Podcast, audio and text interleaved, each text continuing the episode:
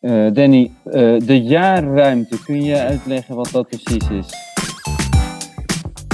Ja, iedereen in Nederland die uh, inkomen heeft, die mag tot een bepaald inkomen fiscaal vriendelijk pensioen opbouwen.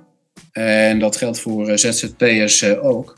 Hmm. En die ruimte die wordt altijd berekend op basis van het inkomen van het voorafgaande jaar.